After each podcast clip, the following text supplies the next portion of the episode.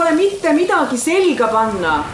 mul ei ole mitte millegagi sõita Toyota teeb sinu igapäevased valikud lihtsamaks. vali bensiinimootoriga RAV4 Luxury või Auris Active. mõlemal on Toyota Safety Sense ohutuspakett ning Toyota Touch kaks multimeediat põhivarustuses. stiilne valik alates viieteist tuhande kolmesajast eurost.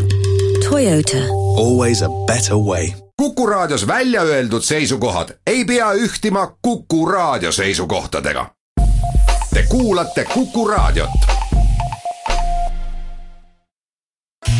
saate teevad mõnusamaks Selecta kohv ja kohvimasinad. neliteist minutit on kell üle kahe. tervist ja aitäh tulemast, Andres Anvelt, siseminister Kuku stuudiosse. tere päevast Andres, räägime kõigepealt aktuaalset siseturvalisust puudutavat teemad või siseministeeriumi haldusala puudutavat teemat üle, kui juba minister stuudios on. huvitav on märkida, et Eestisse saabus nüüd rändekava alusel kakskümmend kaks pagulast. see uudis ei tekita enam teab mis elevust ja esikohal on siin kõiksugu muud uudised. kas see tähendab seda, et me oleme juba harjunud selle vooga ja uute kaasmaalastega, kes on meile saabunud ja siin nagu selles mõttes selles protsessis enam midagi väga erilist ei ole? ma arvan, et esiteks me oleme ühtepidi harjunud, teine asi on see, et me oleme näinud, et need võimalikud riskid, mis tulenevad rändekriisist, õigemini võib-olla isegi nimetaks teistmoodi, sellest kohati võib-olla ülepaisutatud ka hirmukampaaniast, ei ole ennast õigustanud.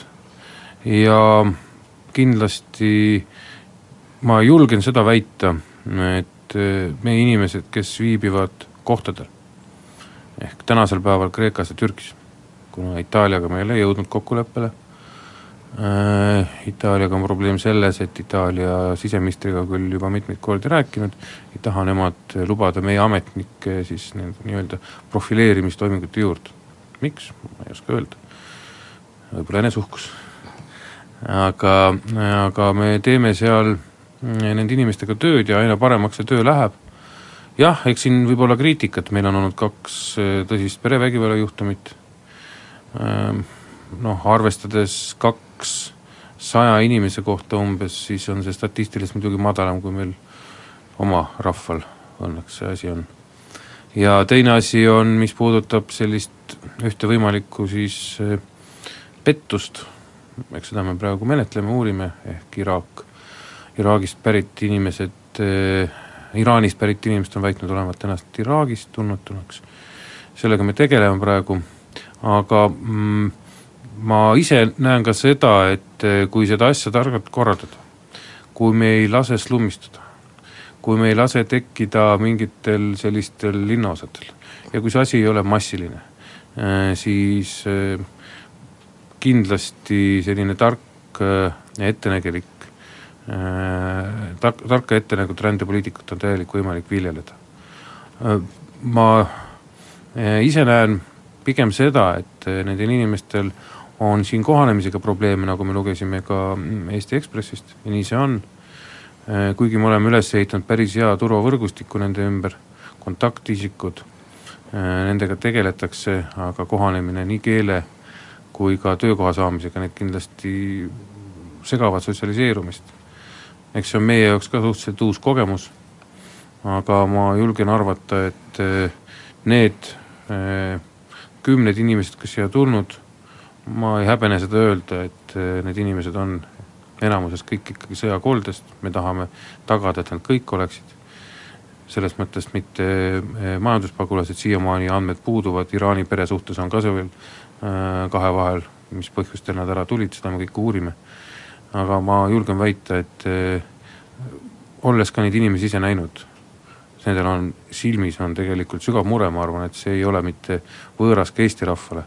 ja see on meie kohus inimesel inimest aidata, kindlasti oma võimaluste piires teine uudis, mis nüüd sellest nädalast tuli, puudutab nüüd äh, juhtkonna muudatust, vahetust või kuidas me seda nimetame, roteerumist Politsei- ja Piirivalveameti juhtkonnas. Krista Aas, Keskkriminaalpolitsei tubli ja võimekas juht, on asumas nüüd Elmar Vaheri lähemasse ringkonda ehk siis tema asetäitjaks. Äh, see uudis leidis palju kajastamist ja Krista Aasa tegevused ka, aga vähem on küsitud selle kohta, kellest saab uus Keskkriminaalpolitsei juht?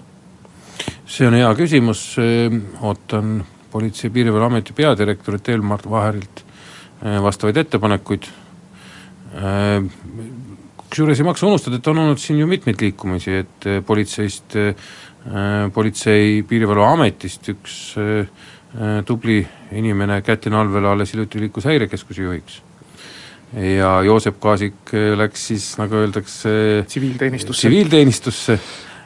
Ja kindlasti Krista Aasa minek või tulek, ükskõik kuidas seda nimetada, politsei peadirektori või Politsei- ja Piirivalveameti teiseks inimeseks sisuliselt, on minu meelest väga hea samm, väga hea ettepanek peadirektori poolt, jah, eks kindlasti Keskkriminaalpolitsei direktori osas, kuna ma olen ise seal ka kunagi olnud, ma tean, milline see asutus on, ma tean, mis on ootused temale, isegi need ootused, mida võib-olla avalikkus ei näe. Äh, ta ongi suhteliselt suletud asutus, võrreldes muu politseiga on ta selline äh, palju salajasem. ja põnevam. ja põnevam, no jah, põnevus on inimese äh, silmades ja meeltes, aga eks seal on väga palju bürokraatiat, ärme seda unusta, aga aga mis ma tahan öelda, et mina tean, millist, ma usun ennast teadvat, millist inimest tüüpi on siin organisatsiooni vaja ja ma arvan, et Elmar Vaher oma ettepanekutes on konstruktiivne ja me kindlasti jõuame selle asjaga edasi, täna ma ei rutta sündmustest ette, äh, laseme natukene atra seada peadirektori, need on olulised otsused. Ja, ja siis küll avalikkus sellest äh, teada saab räägime nüüd siseturvalisusest ja sellest, kui palju me ise sellesse kõik panustada saame, suurepärased näited, et me oleme küll üsna hoolivad ümbritseva suhtes, aga me vajame selleks natuke tõuget, kampaaniat ja üleskutset, seesama liiklustalgute näide, kus tuhat kuussada kodanikku ennast identifitseerides, mis põhiline, näitasid kitsaskohad kätte meie kiiruseületamise kultuuris. Aga see ei olnud ammu aega tagasi, kui siseministeeriumis eesotsas Raivo Küüdi töörühmaga liigutigi noh, selle mõtte poole, et siseturvalisus ongi üha rohkem ja rohkem meie kogukonna teha on see siis naabrivalve, on need siis priitahtlikud päästjad ja kõik muu selline, kas see ongi meie tulevik selles eos, kas me võiksime eeldada, et tõepoolest igas kommuunis oleks valmis üks noh, ütleme oskustega päästja, oskustega abipolitseinik, kes igal hetkel leiab selle aja kakskümmend neli seitse, kus midagi on, reageerida, teha ja toimetada omi toiminguid? seda asja ei saa eh, võtta selliste absoluuttõdedena. ehk eh, väga palju eh, küsitakse mult, kui ma räägin vabatahtlikust päästest, vabatahtlikust politseist, piirivalvest, merepäästest, millest iganes, ehm, küsitakse mult seda, et kas see nüüd on siis see uus suund, et riik on nii õhuseks lihvitud, et anname siis kõik funktsioonid üle ja inimesed vaadaku ise, kuidas saavad, ma rõhutan veel kord, see ei ole mitte mingil juhul uus suund, see on ehm, vastupidi, see on tegelikult üksteise toetamine, ehm, politsei ja piirivalve, politsei jääb äh, alati äh, elukutseline, päästja jääb alati elukutseline. Äh,, küsimus on lihtsalt selles äh,, kuidas luua selline olukord, et äh, ka needsamad ametkonnad äh, saaksid ehk rohkem panustada nendele raskematele juhtumitele, et see ennetuspool ei ole ka ainult mitte riiklikud struktuurid, et see on tegelikult vabatahtlik, et see, kui me räägime sellest kogukonnast äh,, nagu siin oli mainitud, siis ma arvan, et sisuliselt meil igas kogukonnas juba täna on olemas inimene, kes ikkagi vaatab äh, sellesama kogukonna turvalisuse poole pealt otsa ka oma ümbritsevale, ümbritsevatele inimestele, oskab nõu anda äh,, kui veel ei ole, siis kindlasti tekib lähiajal, see on meie ühine mure, see ei ole mitte eh, oht, et me peame mingi ohtudega võitlema, olematute ohtudega, ei, see on selleks, et neid ohtusid ei tekiks. see on selleks, et inimesed esiteks eh, saaksid normaalselt, sotsiaalselt üksteist toetada, aidata alates sellest, et kui kellelgi on mingi häda juhtunud, nõu anda, kuidas olla valmis kriisiks, uuringud on näidanud näiteks, et kui me praegu räägime elanikkonna kaitsest, siis inimeste teadlikkus, niisugune elementaarne teadlikkus, kuidas kriisis hakkama saada, on kahjuks üpriski madal. ja me võime koolitada ükskõik kui palju, me viime koolides sisse ka praegu äh, äh õppeainetes äh, oleme teinud ettepanekuid, et suurendada näiteks elanikkonnakaitse mahtu, et, et maast-madalast inimesed teaksid, mis on need elementaarsed asjad, kuidas ühiskond toimib, äh, kuidas üksteist abistatakse, kuidas ennast, kõige tähtsam ennast abistada, ka meid lennukisse istudes meid õpetatakse, pange ennem hapnikumask endale, siis naabrile või lapsele või kellele iganes. Et sama asi on ka turvalisus, kuidas endaga hakkama saada, siis teistele. Ja, ja kui me suurendame neid võrgustikke, siis on selge see, et nende inimeste arv, kes oskavad endaga hakkama saada ja abistada ka naabrit, on tunduvalt suurem. See tähendab seda, et meie ühiskond on tunduvalt turvalisem, see tähendab seda, et inimesed eh, tunnevad ükskõik, kas ta elab siis suurlinnas või kuskil väiksemas külas, talus, ta teab seda, kus on see lähim inimene, eh, kellelt ta saab enamus juhtudel nõu küsida.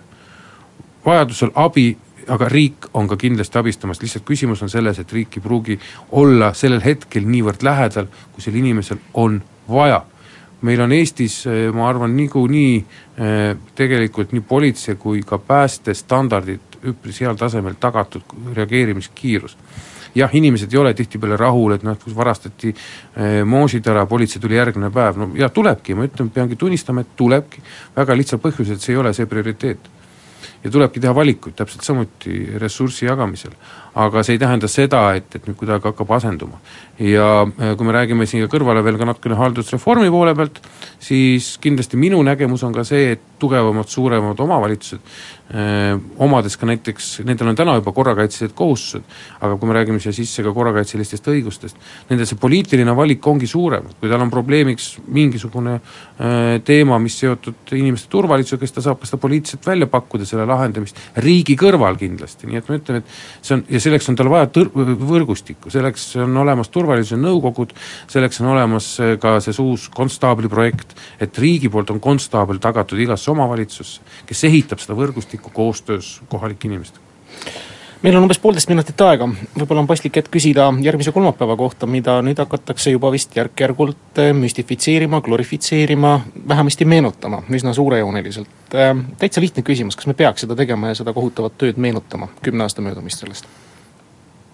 no kes ei, ei mäleta minevikku, äh, elab ilma tulevikuta kindlasti ei meeldi mulle sellised asjad, väljendid, mida ma olen meediast, aga see on minu isiklik arvamus nüüd pronksiöö aastapäev ja, ja, ja me, laulupüha aastapäeva ma võin öelda, see on midagi sellist, mida meenutada, aga pronksiöö me peame tegema sellest, me peame mäletama seda, aga müstifitseerida, teha sinna ümber lugusid äh,, noh tegelikult, ütleme ausalt, teenida selle pealt ikka normaalset Äh, reklaamiraha pigem.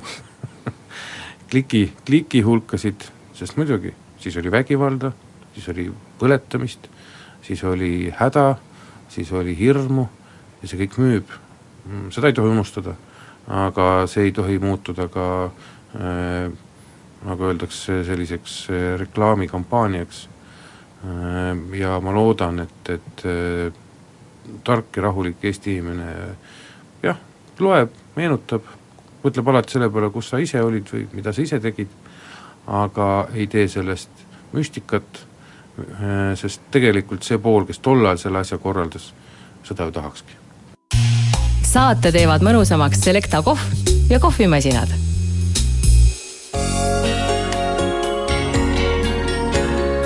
Vox Populi kolmkümmend kolm ja pool minutit on kell üle kahe, Vox Populi erisaade tänasel reedesel päeval. kuku stuudios on külas siseminister Andres Anvelt, ootab heade kuulajate küsimusi numbril kuus, kaks, üks, neli, kuus, neli, kuus. palun olge küsimustega konkreetsed, kommentaarid jätke pärastiseks, tervist! tervist, oleks äh, konkreetne küsimus. Äh, kuidas edeneb äh, veebruarist Hispaaniast see narko uurimine suures koguses ja mit-, mitu, viisteist aastat? Nende veoautodega siit Eestist läbi läinud narko. ja miks Eesti, Eesti politsei ei ole Hispaaniaga koostööaldis? et teades, et Hispaania on teinud Eestile järelpärimisi, aga millegipärast ei ole Eesti pool väga andis selle suhtes. vot selline küsimus.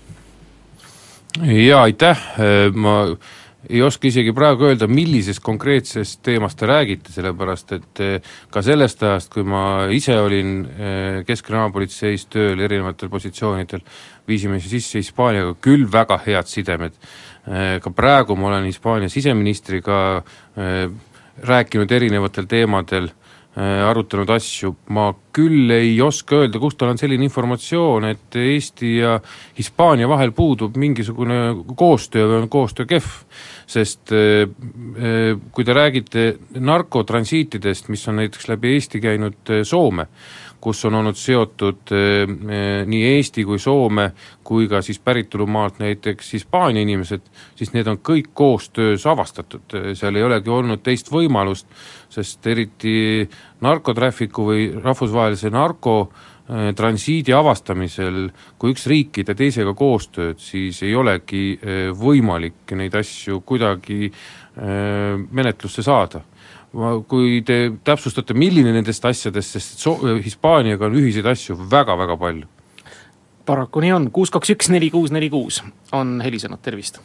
tervist, no ma tahaksin küsida selle pronksiöö, nagu öeldakse, aastapäeva kohta, et kas teil on mingisugused niisugused uuringud või noh, vaated kuskilt, et kas need võimalikud provokaatorid ja kes nüüd näiteks välja tulevad seal ja vot selle, kes ära tapeti seoses sellega pidid seal mingisugused miitingud ja protestiaktsioonid toimuma.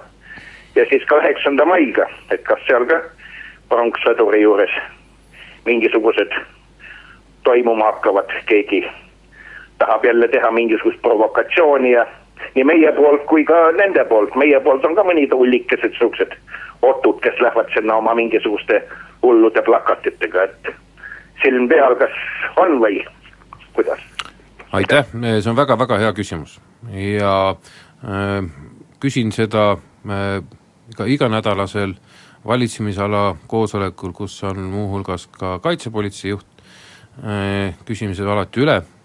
Äh,, selleks on meil olemas äh, terve asutus, milleks on jah, nagu ma ütlesin, kaitsepolitsei, kes tegeleb äh, riigi julgeoleku põhiseadusliku äh, korra kaitsega ja kõik need küsimused on Äh, väga sügavas huviorbiidis.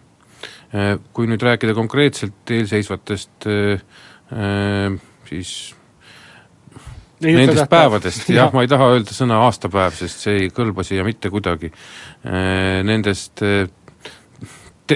tärminitest siis, siis võin kinnitada seda, et vastavalt Äh, ohuhinnangutele äh, pronksiöö mm, kuupäev, kuupäevadel äh, ei ole küll oodata mingisuguseid väljaastumise rahutusi, küll võib olla midagi lokaalselt, kindlasti Vene saatkond ja Venemaa kaasmaalased Eestis proovivad Kaanini uurimisega ja surmaga seoses teha mingisuguseid avaldusi Äh, seda nad juba ka teinud, aga ma võin kindlasti avalikkusele öelda, et äh, elagem rahulikku elu ja võib-olla ärgem mõelgem selle peale liiga palju.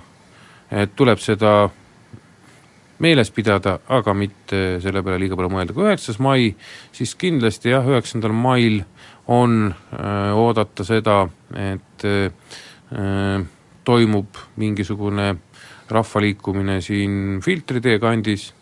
Äh, on juba äh, need load võetud ka äh, linnavõimudelt.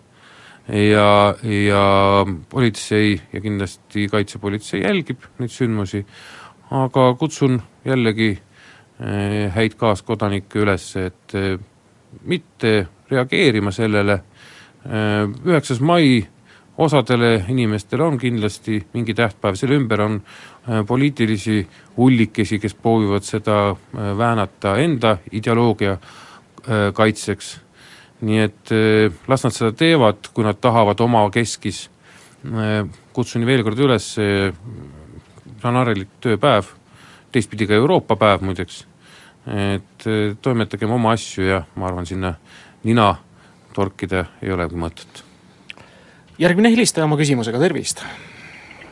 halloo! ja kuuleme! Eh, tere päevast, sõbrad!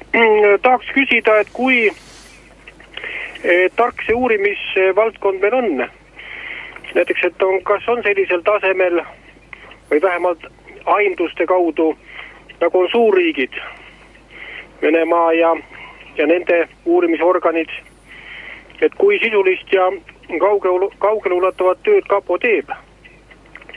ma mõtlen just, pean silmas seda, et kui palju on maailm lavastusi täis ja, ja mismoodi kõike läbi meedia annab ähm, siia-sinna manipuleerida.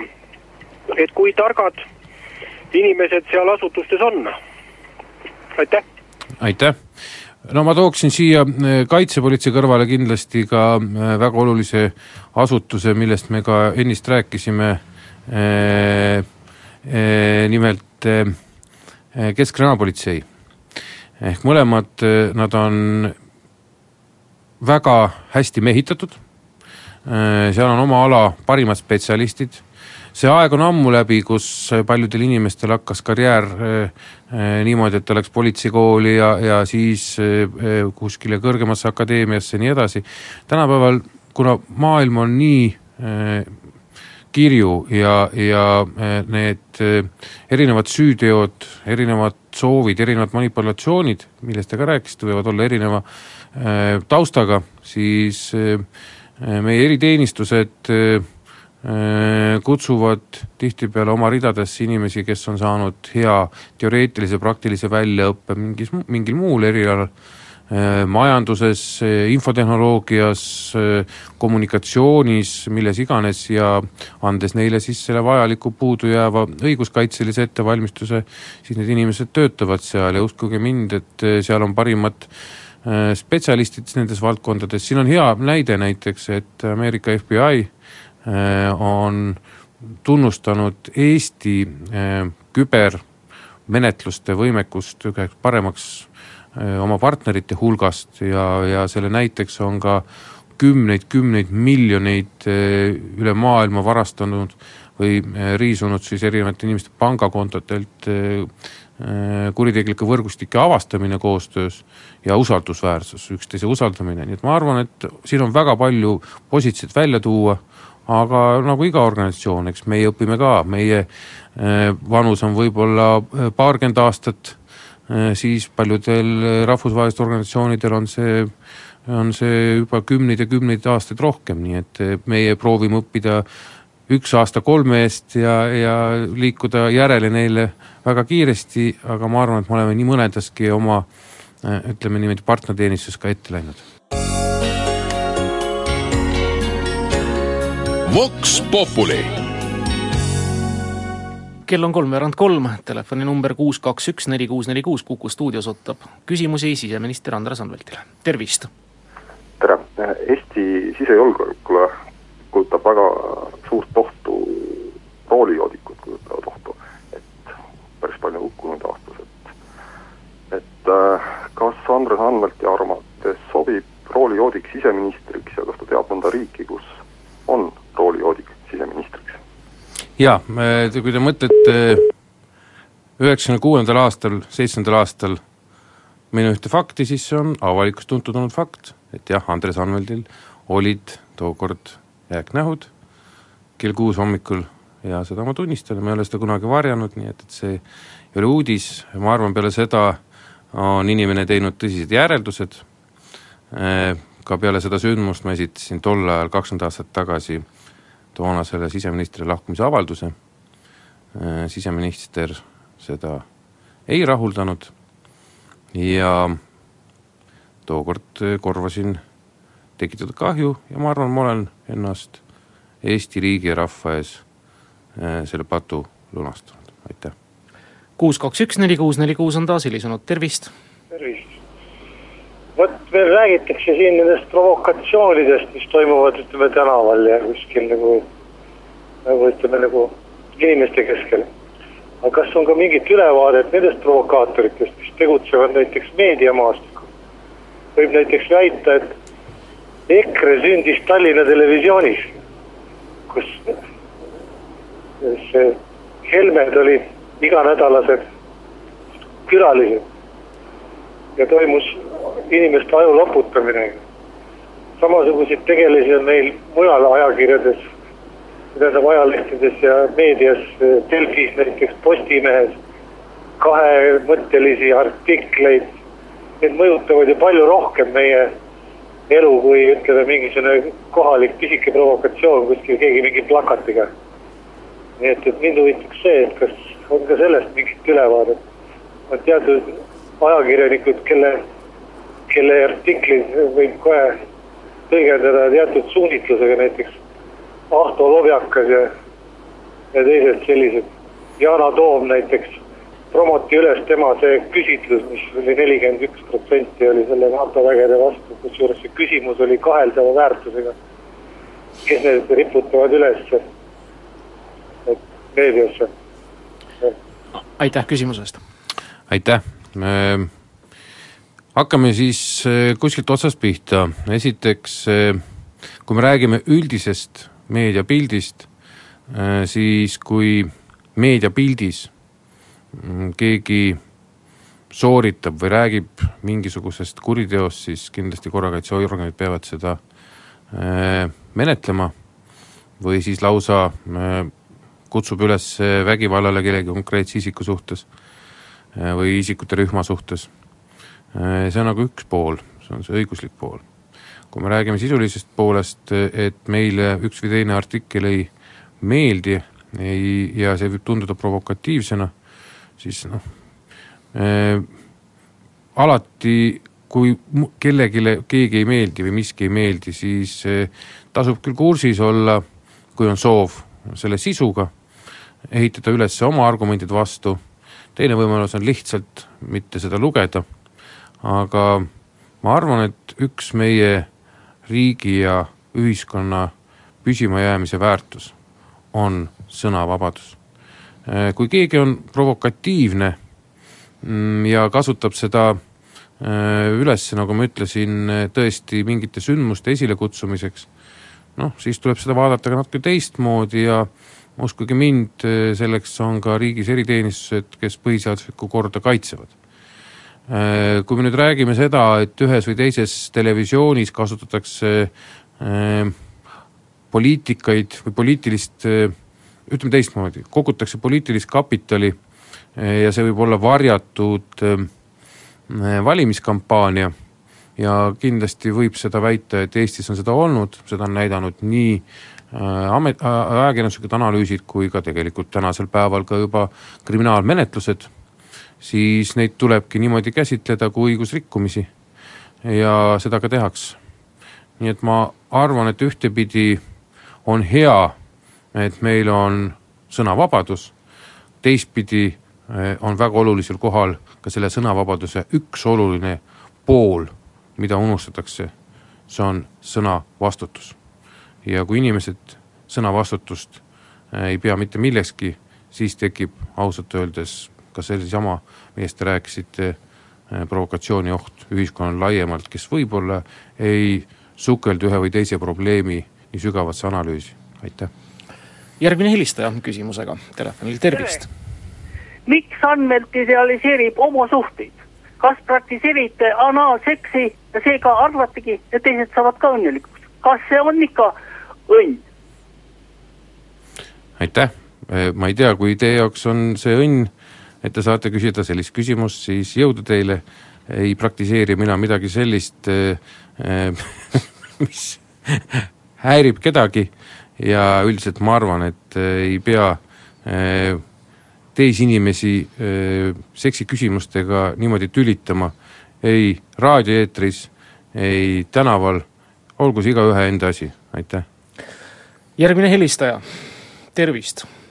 tervist. Andres, ma tahtsin tervitada sind Tartust, Jaan. tere, Jaan.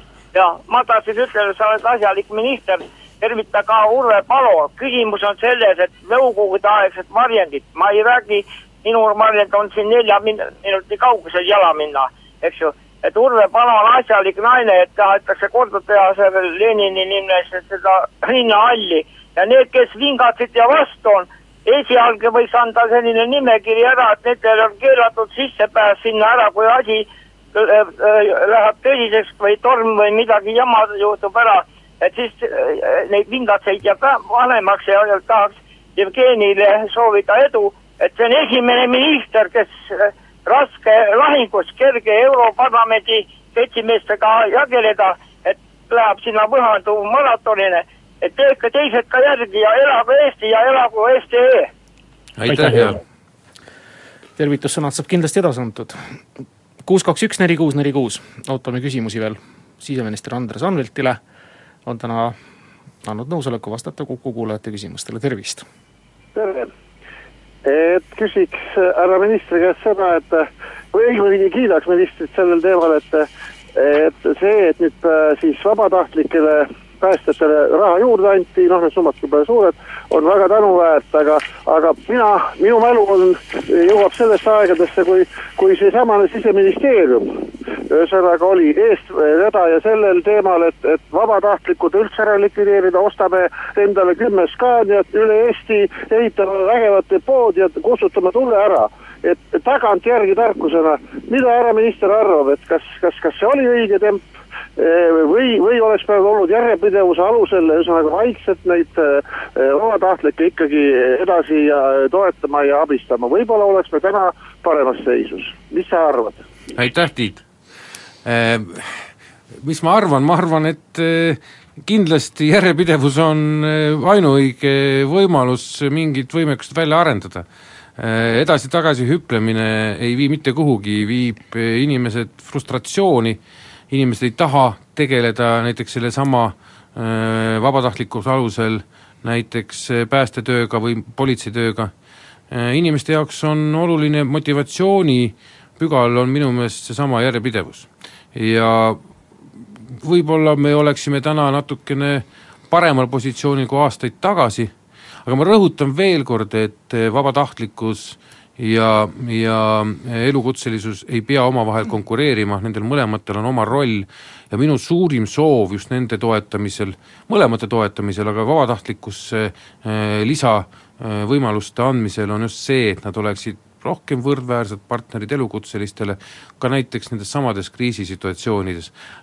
Ühte asja julgen siin öelda, et näiteks elukutselised omavad küll väga head tehnikat, aga kui on näiteks metsatulekahju soisel maastikul, siis ei saa nad üle ega ümber vabatahtlike kas kuuekümne kuuest. jaa, see on kuldaväärt masin. kuus, kaks, üks, neli, kuus, neli, kuus on taas helisenud, tere! no nii, panite ennast ootele. aga vaatame, mis järgmise telefoni helistajaga juhtub või saab, kahju muidugi natuke, sest et ega meil aega enam palju napilt ei ole, et uuesti tagasi proovida ja helistada, kuus, kaks, üks, neli, kuus, neli, kuus, tervist! Tervist, mina soovitan kaitseministrile, et meil on siseminister külas. sidekanalid Vene ja Eesti vahel ei võetakse maha, see oleks hiljem loll investeering, kuidas see ajalugu edasi läheb. kõige paremat soovin.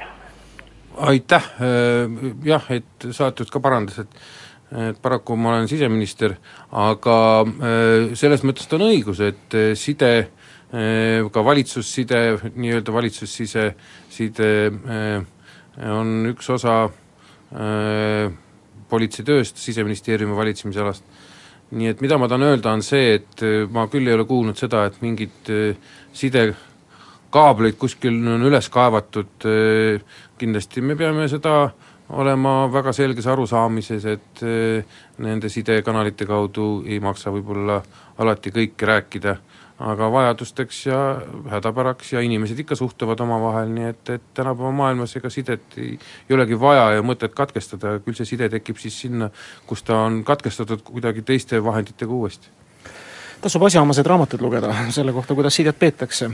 Need on päris tõele lähedased, toredad, vahvad fiktsioonid.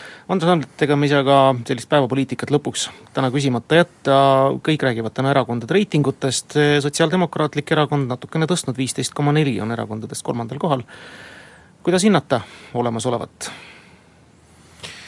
kindlasti reitingu puhul, kui me räägime laiemalt, mitte ainult sotsiaaldemokraatide oma, Äh, siis räägime laiemalt, siis eks muret teeb meie ühe koalitsioonipartneri juba ajalooliselt juba väga madal, juba ajaloo kõige madalam reiting, äh, selles mõttes äh, see ei mõju kindlasti hästi valitsuskoostööle, aga vaatame, mis elu toob.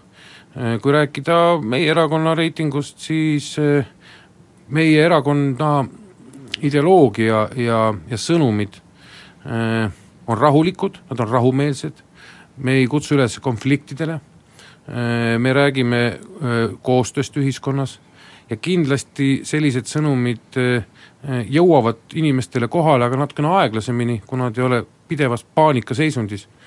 ja ma arvan, kui me tuletame meelde ikkagi viimaste aastate jooksul tehtud panuseid Eesti ühiskonda, noh näiteks tänasel päeval me lastetoetust mõtleme, see on täitsa normaalne, aga veel mõni aasta tagasi oli see üheksateist eurot, paljud teised asjad, mis siia juurde käivad, peretoetused ja nii edasi, et meie ühiskonda natukene stabiliseerida ja seda äh, erinevust äh, inimeste võimalustes edasi areneda, vähendada, siis äh, ma kindlasti usun, et see reiting tõuseb, me oleme väga positiivsed nooremate inimeste suhtes, kus meie reiting on üpriski kõrge, et rohkem selgitamist, selgitamist, selgitamist suur tänu, Andres Anvelt, seda tundi leidmast ja täna Kukuga ühinemast, kuulajate küsimustele vastamast, milledest mõned olid ka ootamatud, mõned naljakad, mõned asjakohased. aitäh, Andres Anvelt, edu, jõudu, ilusat kevadet!